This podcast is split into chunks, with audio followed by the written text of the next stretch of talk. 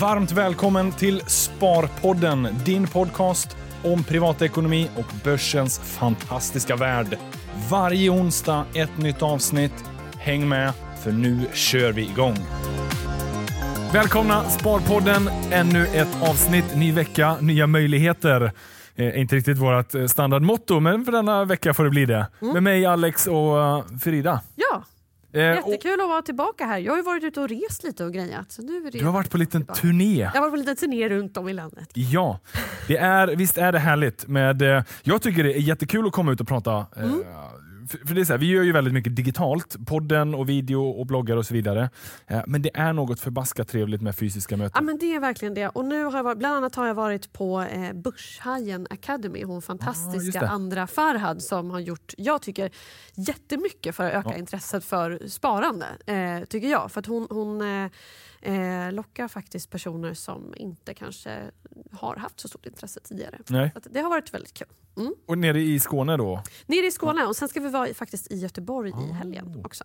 Mm. Bra. Mm. Nej, men det är ju det. Vi, eh, någonstans så är vi ju super, super måna om att eh, fler får tidigt upp ögonen för möjligheten med börsen. Mm. Och, och Vi vet ju alla som lyssnar på Sparpodden frekvent att det här långsiktiga sparandet, det absolut viktigaste med det, eh, oavsett strategi, timing och allting, ja, det är ju att det faktiskt blir av. Mm. Eh, Att det verkligen enskilt så. viktigaste. Ja, för det, det är fortfarande, man märker det liksom att många av de som besöker det här eventet exempelvis då, eh, har ju liksom, deras intresse har börjat vakna lite grann. Ja. Eh, men det är fortfarande så att de har haft pengar på typ sparkonto fram tills nu och förstått först nu att nej, men jag måste ju låta pengarna jobba lite grann. Mm. Eh, och då blir man ju väldigt peppad på att så här, ja, men bra tänkt, liksom, nu, nu, ta tag i det här nu, gör det här nu. Ja. Så det, det är väldigt många fortfarande som behöver liksom bara ta tag i det. Det ligger det några enormt stora miljardsummor fortfarande på sparkonto Ja. som inte alls jobbar så mycket som de hade kunnat göra. Nej, och då är det här ändå personer som har tagit sig till ett event om aktier och fonder. Ja. Det finns ju väldigt många som inte ens når Nej, dit. jag. exakt. Eh. Jag sitter faktiskt här eh, i en ung aktiesparar techväst. Ja, den är Eh, väldigt snygg. Den är väldigt snygg och väldigt eh, härlig och varm så här Mm. nu när vintern börjar krypa fram. Men det är också, jag ska hänga med unga aktiesparare lite i veckan. Och det är lika där. Många, eh, många nya som kommer in Mm. och får möjligheten att och, och liksom bygga en bra bas i sitt sparande. Yes. Så att eh, är man inte medlem i Unga Aktiesparare så får man ju se till att kolla in det där också. Om man då är under 29 Ja. är det den gäller för. Mm. Annars får man eh, söka sig till Aktiespararna. De gamla. Precis. Precis. Men eh, det är inte det vi ska prata om. Vi ska prata lite skogsbolag. Jo, men Det här tyckte jag var superspännande. Ja, precis. Eh, jag har varit ute och gafflat lite Ja.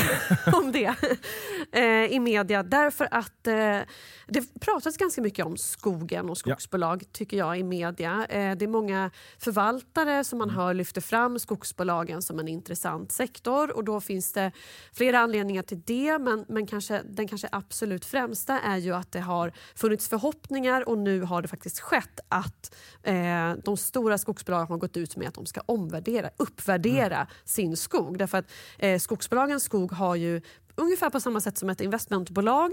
Eh, lite grann har de, deras skog har ju handlats till en rabatt kan man väl säga. Ungefär som att investmentbolagens innehav har handlats till en rabatt. Förstår du? Ja, Jag, för, jag förstår mycket Eh, väl. ja, du förstår extra mycket väl. lite väl när du säger investmentbolag faktiskt. Eh, nej men den har ofta handlats till en rabatt och sen så har det funnits förhoppningar på att ska de uppvärdera det här.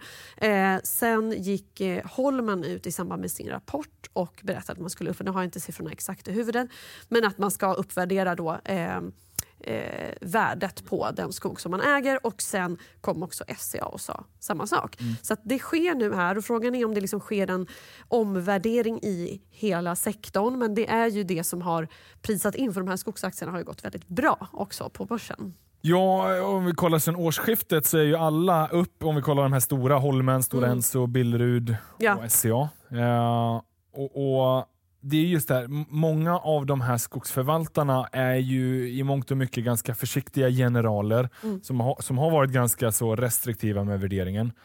Skog är ju, eh, det, det, är här, det växer ju under en väldigt lång tid och sen eh, påverkas ju i mångt och mycket av konjunkturen givetvis. Att nu har det varit en liten byggboom och Ja, men samtidigt så intresse. pressas ju priserna på massa Ja, nu. det Så det, det. har ju varit, det, det finns ju, det där tycker jag är lite svårt att avgöra för det pratas ganska mycket om att det är stabilt ändå med Ja. skog. På ett sätt är det ju det men det är ju konjunkturkänsligt Ja. också.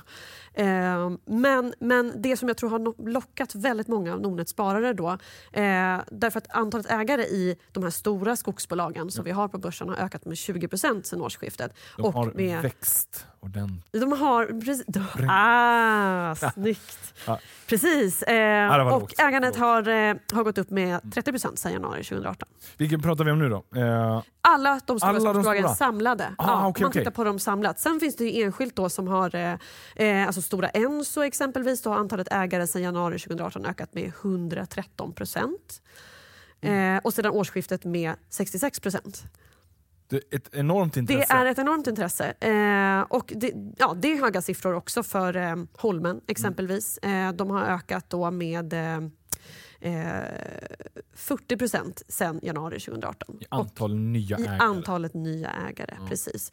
Och aktien har gått bra. Alltså, eh, Holmen har ju då gått upp med, nu har jag inte exakt dags, dagsfärska siffran, men någonting kring 60 procent i ja, år. I aktiekursutveckling. Ja. Men det man tänker, eller det jag tänker kring skog, en, en stor fördel är ju just den här, det är en reell tillgång, det är någonting fysiskt Mm. du kan ta på eh, och, och det ha- har ett beständigt värde. Och Vi har använt skog i urminnes tidigare, vi Mm. kommer säkerligen använda det under en lång tid framöver. Och Det är ju en av våra kanske största naturresurser som vi har ja, det är den råvara vi har. Ja. om man uttrycker det liksom. Alm har vi ju lite också. Vi har, lite grann så. Men, men om man tittar på... Men vi har väldigt mycket vi har väldigt mycket skog. Det, det är ju så. Eh, så att, ehm, Sen är det ju, det har ju flitigt eh, påpekats att man skulle kunna använda skogen till mycket mer. mm, Eh, lite påverkas av skogsindustrin själv. Ja, så är det ju. Ja. Eh, Det är ju klart att deras branschorganisationer vill påpeka att Mm. det här har enorma Mm. användningsområden. Mm. Eh, Jag vet inte om vi har fått se så mycket reella faktiska produkter av skog. Alltså de har ju pratat Mm. om kläder, smink och, och så vidare. Men jag vet ändå, lite, eh, ja. jag har faktiskt sett eh, plastflaskor som ser ut som plastflaskor. Mm. Men det är inte det, utan det är bara eh, cellulosan i Mm. eh, alltså stärkelsen i trädet. Men det ser ut i princip som en vanlig plastflaska, Mm. eh, funkar nästan i princip som en vanlig plastflaska fast skillnaden är att ja, den kommer väl att förmultna betydligt mycket fortare. Ja, men det är det. De är ju nedbrytbara då Ja. på ett helt annat sätt än om du slänger liksom en plastflaska i skogen. Vad tar det? Liksom, tar det Ja. tusen år att bryta ner? Jag vet inte exakt. Men, men Nej, det tar ju liksom, det tar många år att bryta ner. Förmodligen, Eh, förmodligen. Men eh, det som ändå är eh, liksom någonting som är här och nu och som, som eh, branschen ju ofta påpekar också, men det tror jag liksom att det ligger någonting i, det är ju den ökade e-handeln. Ja, okej. Som gör, ja, men om du tänker att vi möts ju, var möts vi någonstans? Förut möttes vi i affärerna. Du och jag gick och handlade någonting. Vi möttes över liksom, eh, eh, hyllorna med varor. Var möts man nu? Man möts ju typ vid pappersåtervinningen där man slänger kartonger från allt man har beställt på nätet. Ja, just det. Hej, hej, är du också här? Ja, men Ja. Jag håller på och försöker liksom, eh, platta till min eh, eh, Apotea eller min eh, Bokus-kartong. liksom. Det är ju enormt många kartonger Ja. som man har. Jag är ju ett fan av e-handel och använder det väldigt mycket av massa olika skäl. Men det är ju kartonger och det ser man ju att det finns ju en omställning också bland skogsbolagen. Att, menar, förut så pratade vi mycket om tidningspapper och sådär. Men det är ju förpackningar som är grejen. Det är det som är intressant Ja. till stor del. Eh, det ju mer e-handel, ju mer vi kommer behöva frakta saker, då Ja. behövs det ju förpackningar. Ja, precis. Så att det där är ju ganska spännande tycker jag i och med att man, det, då känns det som att skogsbolagen, men det ligger också i tiden. Eh, det här med förpackningar och det är ju förpackningar då som, som inte är av plast utan som då eh, kan anses vara mer miljövänliga. Ja. Det ligger också i tiden. Eh, mm. Men, men det återstår nog fortfarande en del eh, utveckling för att få, om, om vi pratar om smink och kläder och sånt som det har eh, Mm. påpekat att man ska kunna använda. Jag vet inte hur mycket trä vi har i våra kläder och det kommer att dröja säkerligen Ja, det kommer nog dröja. innan vi Precis. börjar använda det mer och mer. Mm. Men det är ändå spännande att man vågar eh, tänka i de banorna. Mm. Men sen är det ju i reella termer så kommer det koka ner till vad är kostnaden för produktion. Ja. Så länge plast är väldigt, väldigt mycket billigare så kommer det ändå prioriteras. Ja precis, om det inte är bolag då som eh, vill Aktivt göra en grej, aktivt göra en grej av att man är hållbar, att man har hållbara förpackningar. Och det ser man ju att det är flera som går mot den trenden. Nu minns jag inte vilken, vilket eh, eh, företag det var men att man kan se på vissa förpackningar att den här förpackningen är helt återvinningsbar. Alltså Mm. det finns ju ett sånt ökat intresse. Eh, och det tror inte jag kommer minska. Alltså jag tror inte att den här hållbarhetsgrejen är en fluga. Utan Nej, det är det definitivt ju, inte. Nej, utan vi går ju mer mot det och då tror jag att där kan också förpackningar komma in. Eh, om man inte bara vill ha det billigaste billiga. Det är klart inom vissa segment så kommer det ju kanske vara så, det kommer ta längre tid. Massmarknaden och framförallt den internationella marknaden, där kommer det nog ta tid att ställa om. Ja men det tror jag också. Men jag, man ser liksom att det börjar ändå komma ett sånt... Eh, jag tror att efterfrågan kommer inte minska åtminstone på Nej. att saker ska vara återvinningsbara. Nej. Eh, så där har ju skogsindustrin en, en intressant roll att spela Ja. också. Nej, men bara det faktumet att det är så pass långtgående tillgång, ett sånt eh, långsamt tillgångsslag Mm. som skog. Det växer så du har en naturlig tillförsel eh, och, och vi har använt det i så pass lång tid. Sen är det en del som påpekar att den svenska skogen är ganska övervärderad så att man skulle kunna kolla sig i grannländerna och så vidare. Men, Ja men visst, men likväl det finns ett ökat intresse för skog. det gör det Och definitivt. uppenbarligen är det fortfarande lönsamt för alla våra stora svenska skogsbolag. Precis. Ja, det, är, det är spännande. Men och på tal om det här med lite mer klimatvänliga aktier, du och kikade lite på det också? Ja, jag kikar lite på det också. Just för att jag tror att här kommer, här kommer inte intresset att minska direkt. Eh, och då tittar jag framförallt då på hur man hittar klimatvänliga aktier. Jag menar, man kan ju sätta sig och läsa igenom bolagens års eh, eller hållbarhetsredovisningar för att sortera ut aktier. Det är ganska tidsödande. Det är ganska tidsödande Ja. men också väldigt ineffektivt skulle jag säga i mångt och mycket. Ja, Eh, exakt. Den är lite intressant. Alla bolag måste numera komma med en hållbarhetsredovisning. Det här är nytt sedan typ två år, tre år kanske tillbaka. Ja. Så i alla eh, svenska bolags åtminstone årsredovisning kommer du hitta en hållbarhetsrapport. Ja. Det här är skriven av bolagen själva där de lyfter fram vad är det de gör för ett hållbart arbete. Det finns vissa riktlinjer eh, hur de måste framställa det. Mm. Men dels så kan man ju där hitta, som tips faktiskt för den som letar efter mer hållbara aktier, man, man kan märka ganska stor skillnad på en del bolag hur mycket energi och tid de lägger på det. Exakt Slätar de över det eh, där- reflektion också. Att man, får se, man kan få liksom en indikation på hur mycket resurser, hur viktigt de tycker att det är. Ja, för Ja. är den bara väldigt snabb och hastig, ja. då kan man ju läsa mellan raderna och fatta att det här är nog kanske och, inte och riktigt Det här är ju bolagets egna formuleringar som Ja. kan vara väldigt fina. Men det är just det som du säger, att kan man liksom få, går det att få en bild av Mm. hur mycket tid och möda man har lagt ner på det här? Ja. då kan man nog gissa att så här, det här är en viktig fråga för bolaget om man tycker att det ser ut så också i den här hållbarhetsredovisningen. Precis. Så du kan få en indikator. Men man måste nog också ha en viss förståelse för att det kommer ju, det är skrivet av bolagen. Ja, det är en det. del Precis. som aktivt vill framhäva sig Ja. själv. Exakt. Eh, och, och där är ju tillbaka till den eviga debatten, va, eh, liksom, påverka eller välja ifrån. Ett, ett, säg ett konsultbolag som lägger väldigt mycket tid och energi på hållbarhet. Ja, det är ju viktigt och det är ju bra Ja. att de faktiskt gör det, men de hade ju inte haft så mycket negativ reell påverkan. Nej. Det är bättre med kanske eh, en stor producent, ett rörelsedrivande bolag som faktiskt producerar produkter Ja. där du har långa, långa eh, löptider. Dels från att utvinna den fysiska varan till själva förädlingen, underleverantörer, deras produktion. Där har du en mycket större reell påverkan på miljön. Ja men så är det ju. Så att det är ju, det är ju de, ja. Men likväl, även ett eh, konsultbolag får vara exempelfallet då där det inte finns liksom en fysisk produktion. Mm. Det, kan ju, det är fortfarande viktigt att de påpekar och lyfter det aktiva arbetet. De har ju fortfarande Ja, de- transportkostnader och liknande som de kan minska. Ja, och jag menar, det kan ju vara att ett konsultbolag, ett IT-bolag Ja. kan ju göra ganska stora insatser ändå för att hjälpa andra företag med Ja. den här omställningen. Så att jag menar, det, det kan ju verkligen vara så att det, det är inte bolag vars direkta verksamhet som du vill komma åt utan att bolaget liksom hjälper andra på olika sätt. Att det är en längre kedja av verksamheter som har liksom betydelse för den här omställningen. Men mitt tips istället för att sätta sig, alltså printa ut Ja, det är för hög många. med håll, det är för många, Ja. eh, är ju att hitta eh, hållbara fonder och det, titta på deras innehav. kan man göra. Alltså, Ja, du kan ju se vilka de Ja, topp kan se 10 vilka, största. ja, precis. Du kan se vilka innehav eh, de har och då, jag menar, då är det ju någon som har gjort jobbet åt dig. Ja. helt enkelt. Sen måste, och då måste man ju i sin tur då ha en bild av vad man själv...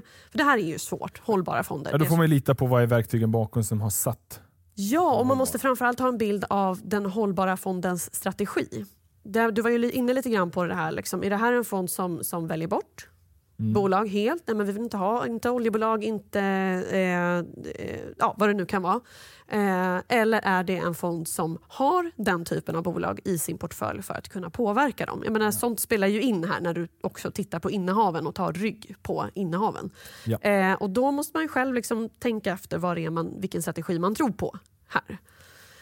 Tänker jag. Mm. Eh, alltså det, eller så här, man själv kan ju inte påverka på samma sätt som en, en, en, liksom stor fond Nej, kan precis. göra. Så det går inte att ta rygg på det är svårt att ta rygg på en fond som har påverkansstrategin. Helt Då är, det, då är det ju bättre att äga fonden i sig. I Då är det bättre att äga fonden. Exakt, så man måste bara ha med det lite grann. Vad är det för typ av strategi? Så man inte rakt, ja, men det här är ju någon som har gjort ett liksom, urval och det här ser hållbart ut. Och så, ja.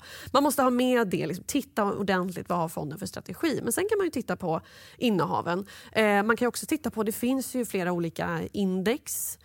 Ja, eh, som ställer samman, liksom, och då är det globala index, då, stora globala index eh, som, som, där du ser vilka som ingår. Dow Jones Sustainability Index, MSCI ESG Index, det finns flera sådana. Ah, Eh. nu har inte jag full koll på de här indexen, men då är det typ rankat efter bolag som ja, har ett högt ESG-värde. Ja, exakt, ESG-påverkan. exakt.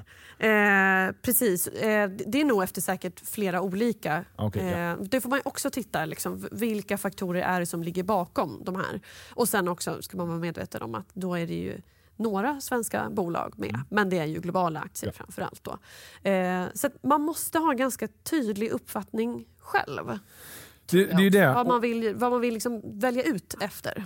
Och jag tror att det, det är det som många kanske känner en viss frustration. Men Ja. det finns verktyg så man ska inte känna det. Utan det absolut viktigaste är ju att man har en tydlig uppfattning själv. Mm. Ja. För någon så kanske det är viktigt att man har en eh, att bolagen faktiskt tar det här på allvar och jobbar Mm. för Ja. i en bättre riktning. För det blir så lätt att man säger, säger liksom svart eller vitt. Det, det finns ganska Ja, mycket och det- alarmism kring det här. Exakt, exakt. Och just svart eller vitt. Menar, Att vi måste bara liksom strunta i oljebolag och flygbolagen. Ja, och det, och det har gjorts, eh, eh, det tror jag vi pratade om förut, att det har gjorts forskning som visat Ja. att den, den här välja bort-strategin är ju inte den som har störst Nej. effekt heller, utan det är ju dialogstrategin. Men, men det, ska man ta det liksom helt svart eller vitt, ja men då, då, då framstår ju en fond kanske som väljer bort som mer hållbar vid en första anblick. Liksom. Ja. Eh, nej men så där får man verkligen göra sitt jobb. Men Nordnet har en del verktyg Ja, men det har vi ju. som man kan använda också. Och det finns ju Sustainalytics som Mm. ett verktyg och vi kan ju sortera på fonder Ja, efter vilken, eh, vilken påverkan de har. precis. Men, men det jag tänkte säga var just att det jag personligen vill se ur ett hållbarhetsperspektiv det är ju de här stora rörelsedrivande bolagen. Mm. Alltså Volvo, Atlas Copco, Mm. Sandvik och Mm. S, SSAB.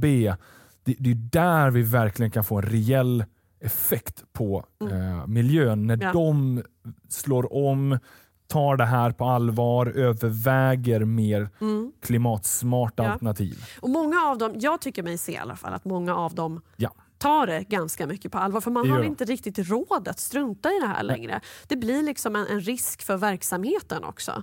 Eh, att inte hänga med i omställningen. Ja, men, och det, förr eller senare förmodligen, det är en tidsfråga innan vissa av de här klimatvänliga alternativen, det är vad är ett klimatvänligt alternativ? Det är en, eh, nu en väldigt... Vi måste få generalisera, annars Vi- inte prata om Ja, det. vi måste få generalisera. Ja. Men eh, det är en tidsfråga innan de blir också billigare än Ja. de icke-klimatvänliga. och det kan bero på antingen eh, ja, lagstadgande Mm. subventioner eller eh, regleringar eller bara ett ökat marknadsintresse.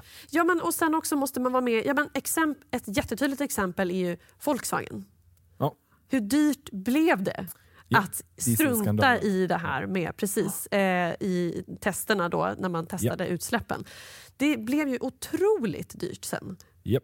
Eh, blir otroligt dyrt. Eh, så det, är liksom, det är ju en risk att Mm. bara strunta i det här. Helt enkelt. Och Sen finns det ju många som vill påpeka att ah, men alla flygbolagen de förtjänar fortfarande mycket pengar och man ser inte att de arbetar lika aktivt med det. Nej, men de är också bara en liten del av den Mm. totala marknaden Mm. och ekonomin. Mm. Eh, och det är ju om alla, alla andra bolag går tillsammans och, faktiskt gör en, Ja. rejäl påverkan, eller slår om, det är då det får en rejäl påverkan. Ja, ja men precis. Och där, eh, jag har pratat en hel del om klimatfonder. Då är det ju inte de stora bolagen som är i fokus framför allt. Utan klimatfonder är ju fonder som investerar i bolag som säger sig ha liksom en, en lösning Ja. på det här. Då är det ofta små bolag. Många är eh, typ förhoppningsbolag. De kanske inte är en del av den liksom reella ekonomin än utan de har produkter som kanske har en lösning eller kanske inte. Det är en hög risk i Ja. de här. Man kan ju ta rygg på dem också. Men man kan också titta på de här. Vilka stora bolag är det som faktiskt tar det här ansvaret? Vi var inne lite på det. Alfa Laval är ett sånt exempel. Mm. Kanske man inte tänker så här, men det här är, det är ett industribolag, hur kan de, är, det, är det ett grönt bolag? Ja, det får man ju skapa sig en bild själv. Men det Alfa Laval gör är att man hjälper, för att man har teknologin för att effektivisera processer som kan minska energianvändning exempelvis inom industrin. Och det är ju en sån sak som liksom vid en första anblick så kanske så, så kanske det inte framstår som Nej. ett grönt alternativ då. Men man får titta lite närmare på det och, och se hur de här stora bolagen verkligen jobbar med det. Och om de jobbar med det. Precis. För, för mig så väger det ju mer om ett Alfa Laval kan förändra sina utsläpp och Mm. sin påverkan Ja. positivt än eh, att eh, liksom, misstolka mig rätt nu, men ett nytt bolag som kommer in och har en lösning. Ja. Som sagt, de är inte ännu kanske en del av den reella ekonomin. Nej. De har en fantastisk ambition och, för, och förhoppning. Men det är ju när de här stora gamla spelarna Mm. som redan har ändå, säg negativ påverkan, att Mm. de slår Att de ställer om. Ja men så är det ju. Sen om vi pratar eh, eh, jag menar, i, i den här kontexten så kan det ju handla om att hitta ett bolag som faktiskt får genomslag för just sin Ja. teknologi. För det kan också vara så att bolag har en lösning, en teknologi för vattenrening, cleantech, någonting sånt. Men det är inte den som blir standard sen. Nej, Så det, där, det är ju såklart en hög risk. Eh, och det är också mycket som... Eh, det finns ett ganska stort intresse bland våra sparare för förnyelsebar energi. Eh, det finns de här SaltX ja, exempelvis. Saltex ja. Ja. Eh, Scatec Solar Ja. eh, är ju sådana bolag som...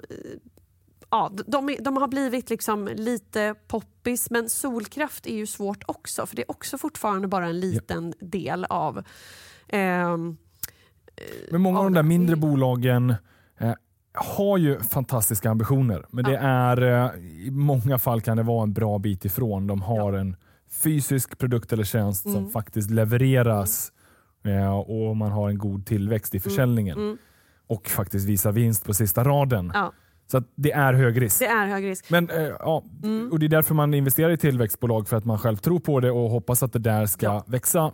Men då behöver man ju diversifiera sig. Ja precis, så, så det är en annan sak. Det är liksom en annan, man måste ha någon, andra saker i bakhuvudet när man investerar i den typen av... Men om man ska koka ner det till praktiska vägledning så är det ju själv fundera över vad är det jag vill eh, se för eh, effekt. Vill jag ha de här aktiva som kommer med Mm. nya idéer Ja, eller vill jag investera efter bolag som redan är i marknaden och ska slå och som om? nu ska ställa om Ja. och som kan hjälpa andra att ställa om. Ja. Eh, precis, det, det Man tror kan jag kolla fonder, måste- index Ja. för att få inspiration. Ja, deras innehavslista, ja precis. Och man kan ju kolla, vi har ju verktyg på Nordnet, Mm. men man kan sortera fonderna efter Mm. hållbarhet. Mm. Eh, Morningstar har ju också ett hållbarhetsverktyg, Mm. Ja, men det en har till de. fem jordglobar. Ja. Den håller de faktiskt på att uppdatera, eller de har nog till och med uppdaterat den vid det här laget. Mm. Eh, Den, den kom för ett gäng år sedan eh, och den har fått både en del hyllning och kritik. Mm. Kritiken är ju ofta att det är alldeles för svårt att koka ner till ett verktyg Mm. som ska försöka sätta liksom en, en total stämpel. Och, och du har kunnat få, ofta har man använt lite av så här best in class, alltså det här är det bästa oljebolaget. Mm. Och så kan du få fem jordglobar och det Mm. här är det bästa teknikbolaget. Men nu med uppdateringen så tar man mer hänsyn till eventuell eh, negativ ESG-konsekvens i framtiden. Alltså ta ett eh, teknikbolag eller en mjukvarutjänst. Mm. det kanske inte är lika hög risk att det kan eh, komma någonting negativt ur ett environmental, social eller governance perspektiv som kan leda till en bot eller bara ändrade marknadsförhållanden. Men det kan ju göra det i högre utsträckning för ett eh, rörelsedrivande bolag eller ett ändå mm. mer snävt oljeproducerande mm. bolag. Mm. Och därmed då får ett sämre betyg. Ah. Så då tar man lite mer i eh, eh, liksom beräkning. Vad blir eh, eventuella negativa konsekvenser ah. framöver? Ah. Och det, det, det känns ju rimligt. Det känns en, ja, jätterimligt. Det känns som en bra, bra sak att göra. Och sånt hittar man ju. Uh, Morningstar har ju de här betygen på mm. de flesta fonderna. Mm. En till fem mm. jordgubbar där. Fler är då bättre. Inget perfekt verktyg men... Nej men inget av det här är perfekta verktyg. Och det är för att det är liksom ingen exakt vetenskap. Det är just av de här anledningarna som vi säger. Det beror så himla mycket på vad man själv lägger för värdering och vad man tror på är mest effektivt och sådär. Men det jag skulle säga var eh, det som man själv gärna vill åt, tänker jag. Det är ju bolag som ändå har hittat en lösning på eh, klimatomställningen och själv tagit en väldigt... Eh, Ekonomisk risk nästan. Ja, men som tagit en väldigt eh, eh en, en, stor position själv på ja. den marknaden. Typ Tomra. Ja.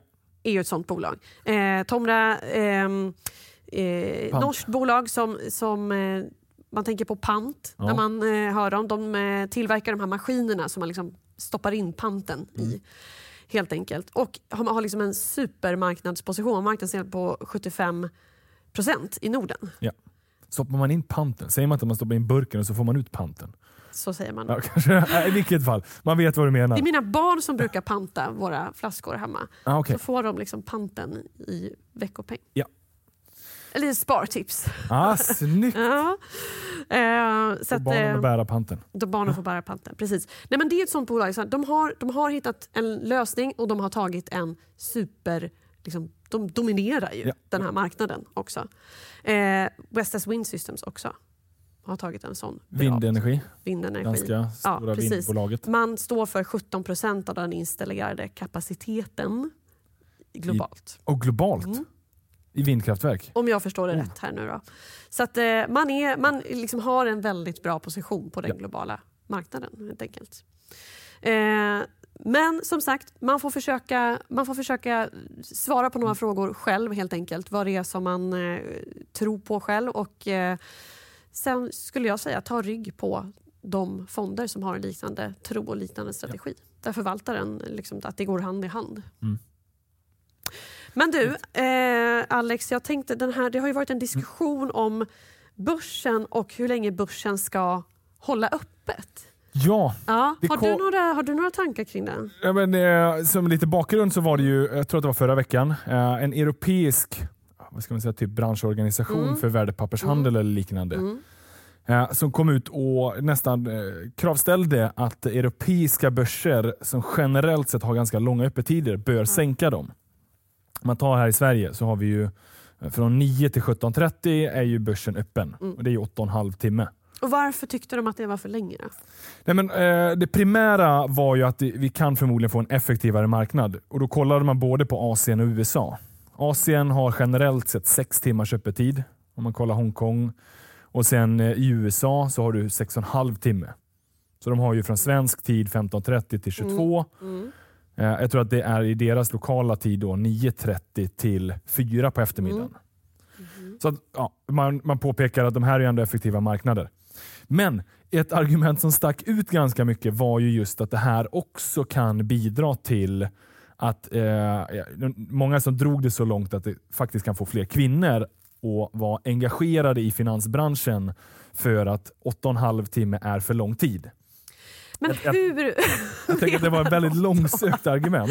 Ja. Att fler kvinnor skulle engagera sig i finansbranschen. Det var inte nödvändigtvis det de bara pekade på, utan det var just att... Okay, Men de pekade ändå på det? Ja, de pekade ändå på det. Ja. Och det är väl för att det är i tiden att prata om det. Och jag skulle precis säga det. Det är väldigt, väldigt fint argument att slänga fram. Det ja. låter väldigt bra. Mm. Ja, och finansbranschen är fortfarande väldigt mansdominerad. Ja. Men den blir bättre, men det är det argumentet i mm. tiden. Mm.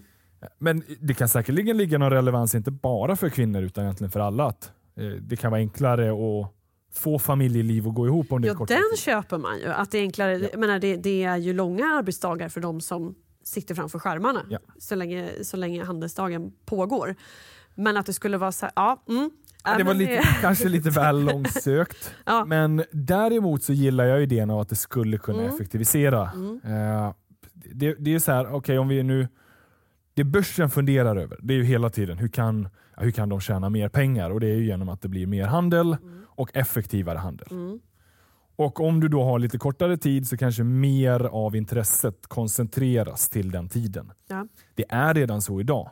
Väldigt stor del av all handel på Stockholmsbörsen det sker i samband med öppning och stängning. Mm. Det är de enskilda punkterna där Ja. det sker mest handel. Mm. Och minst någonstans där. eh, Ja, nå- någonstans däremellan, förmodligen Ja. lunchtimmen eller någonting Ja. sånt. Mm. Eh, sen, ja, sen varierar det lite, ibland kommer det rapporter då och så kan ju det öka intresset. Mm. Och ibland så svalnar det av kring eftermiddagen eller så öppnar amerikanska marknaden kraftigt upp eller ner. Mm. Ja, men då blir det en liten spike på svenska börsen kring Mm. 15-tiden. Just det. Men väldigt mycket av handeln sker re- redan kring 9 och Mm. kring 17.30. Mm. Så att, ja, visst, varför inte försöka se om man kan effektivisera det ytterligare. Det finns ju inget eller ja, det är ju då motargumentet. Finns det ett värde i att ha mer öppettider? Ja men precis. Skulle, nu blir det mina åsikter här ganska mycket, men skulle jag Mm. själv få välja, ja, då hade det nog kanske varit lite kortare handelstid för aktier, de enskilda bolagen. För, för det finns inte ett så stort intresse och har så långa öppettider. Men att man kör i princip dygnet runt handel med index. Så gör de redan i USA. Mm. Så SP500 eh, miniterminen Mm. kan du handla dygnet runt från söndag kväll till fredag eftermiddag. Och det är därför man kan se också hur ska börsen öppna. Terminerna handlas si och så. Ja. Precis. Och för de professionella institutionella placerare Mm. Som vill antingen då skydda sig mot en kraftig händelse i omvärlden Mm. eller ta en position, ja, men då kan de använda indexterminer. Mm. Det är inte ett perfekt verktyg men det ger dem ändå en bred exponering mot den lokala marknaden. Varför har man inte redan så här då? Ja, förmodligen kan det väl ha att göra med eh, övervakning och kostnader med att ha personal hela tiden. Mm. Systemen måste ju vara igång eh, och det kräver liksom investeringar. Mm. Och sen så är det, man ska nog inte heller underskatta eh, effekten av tradition. Vi har haft det så här under en lång tid, då fortsätter vi så här. Det funkar inte dåligt. Nej, det funkar inte Utan, dåligt, så ja. varför förändra Ja, kraftigt? Eh, så det ligger nog någonting i det. Indexterminen i Sverige har man ändå ändrat lite öppettider. Mm. Den börjar ju handlas redan 8. Jag hoppas att jag säger rätt, det kan vara 8.30 också, men den- den handlas någonstans där 8-8.30 Mm. och sen stänger den 18. Ja. Så den har ju Den redan har stretchats lite grann. Ja. mer öppettider än börsen. Ja. Och en fråga då som kan dyka upp är, aha, men vad, indexterminen då, vad är det den följer? Är inte det bolagen? Mm. Jo, så är det ju. Mm. Så hur kan den då ens röra sig när bolagen står still? Det är väl för att man tar en position i att de kanske kommer att röra sig. Ja, det är väl utbud och efterfrågan på hur de kommer röra sig. Ja, precis. Eh, så den, den är väl inte Nej, superknepig? den är inte jättekomplicerad Nej. hur det kan funka Nej, att ha en nej. indexhandel. Nej, även om underliggande aktier är stängda. Mm. Och Ofta så korrigerar ju de då vid nästa öppning. Ja. Så att eh, är det någonting eh, fundamentalt som har hänt över natten, ja, men då vet vi att aktien öppnar antingen upp eller ner Mm. än vad de stängde. Ja. Men, men kanske att det hade funnits ett intresse för svenska, både professionella investerare men också oss privatpersoner, Mm. att ha eh, mer handel i terminen. Men kanske då minskad handel i aktierna. För Mm. de långsiktiga investerarna som bara ska köpa och behålla sina aktier, Mm. ja, då spelar det inte så stor roll spelar inte så stor roll. Om du köper vid 10 på morgonen Nej. eller 3 på eftermiddagen. Nej, precis. Klart att det får ju en effekt beroende på vad du köper, men Mm. många resonerar inte så mycket kring det. Nej. Man loggar in när börsen är öppen och så Mm. köper man. Mm. Eller så lägger man orden på kvällen och har den öppen till eller i marknaden tills dagen efter. Mm. Men det var ändå intressant. Eh, sen var det nog att många tog fasta på just det här att det kunde hjälpa med eh, diversifieringen av personalstyrkan. Ja, det är väl ett långsökt argument. Det bör kanske inte vara det primära heller utan Nej, jag och en tror att det, fungerande det, det, marknad. det är nog ett, ett, ett argument man gärna använder utan titta snarare på, men ger det en mer effektiv handel? Ja, men då, varför inte? Har man fått någonting? Har Nasdaq Nej, jag vet inte om man har sagt så eller- jättemycket Nej. ännu. Nej. Eh, Nej, det är ju så här, en del börshandlade produkter Mm. har ju handelstiden förlängts ganska mycket. Nasdaq har ju börshandlade produkter fram till 8 Mm. på kvällen. NGM har börshandlade produkter fram till 10. Jag tror att det är 10, men är de har lite längre åtminstone. Mm. Så där kan du ju faktiskt redan som svensk privatsparare ta en position längre än Mm. Ja, vad ordinarie öppettider är. Mm. Så det, det finns nog ändå en vilja av att Mm. liksom, fundera och utvärdera. Men börshandlade produkter är fortfarande eh, liksom, det är en rätt liten del jämfört med alla de stora aktierna Ja, noterade visst. bolagen. Ja, visst. Men eh, ja, vi får Ja, se. spännande Det känns som att det finns viljor både åt att förlänga Ja. och förkorta. Ja. Eh, en del tycker att det vore trevligt att ha egentligen dygnet runt på Mm. alla instrument. Det är så här, visst, fine att det kanske inte är någon som handlar, men Mm. möjligen finns om jag Mm. vill. Och jag, och jag Men då blir det många som får svårt att sova. Det är ju det där också. Det ska man nästan inte underskatta. alltså då, då, Det är rätt trevligt med helg, Ja, att marknaden kan få lugna ner sig.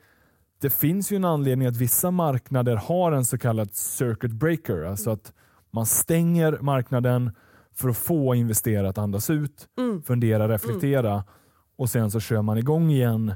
Eh, För när det blir för kraftiga rörelser, folk bara hoppar på. Ja, men det är så mycket psykologi i det här. Så att det finns, jag håller helt med dig. Man ska verkligen inte underskatta den, Nej. att det ehm, värdet av att liksom, marknaden stänger, det är stängt, Ja. folk får liksom, eh, reflektera. tänka till, Ja. reflektera. Eh, Rapporter kan komma in Ja. under icke-handelstid.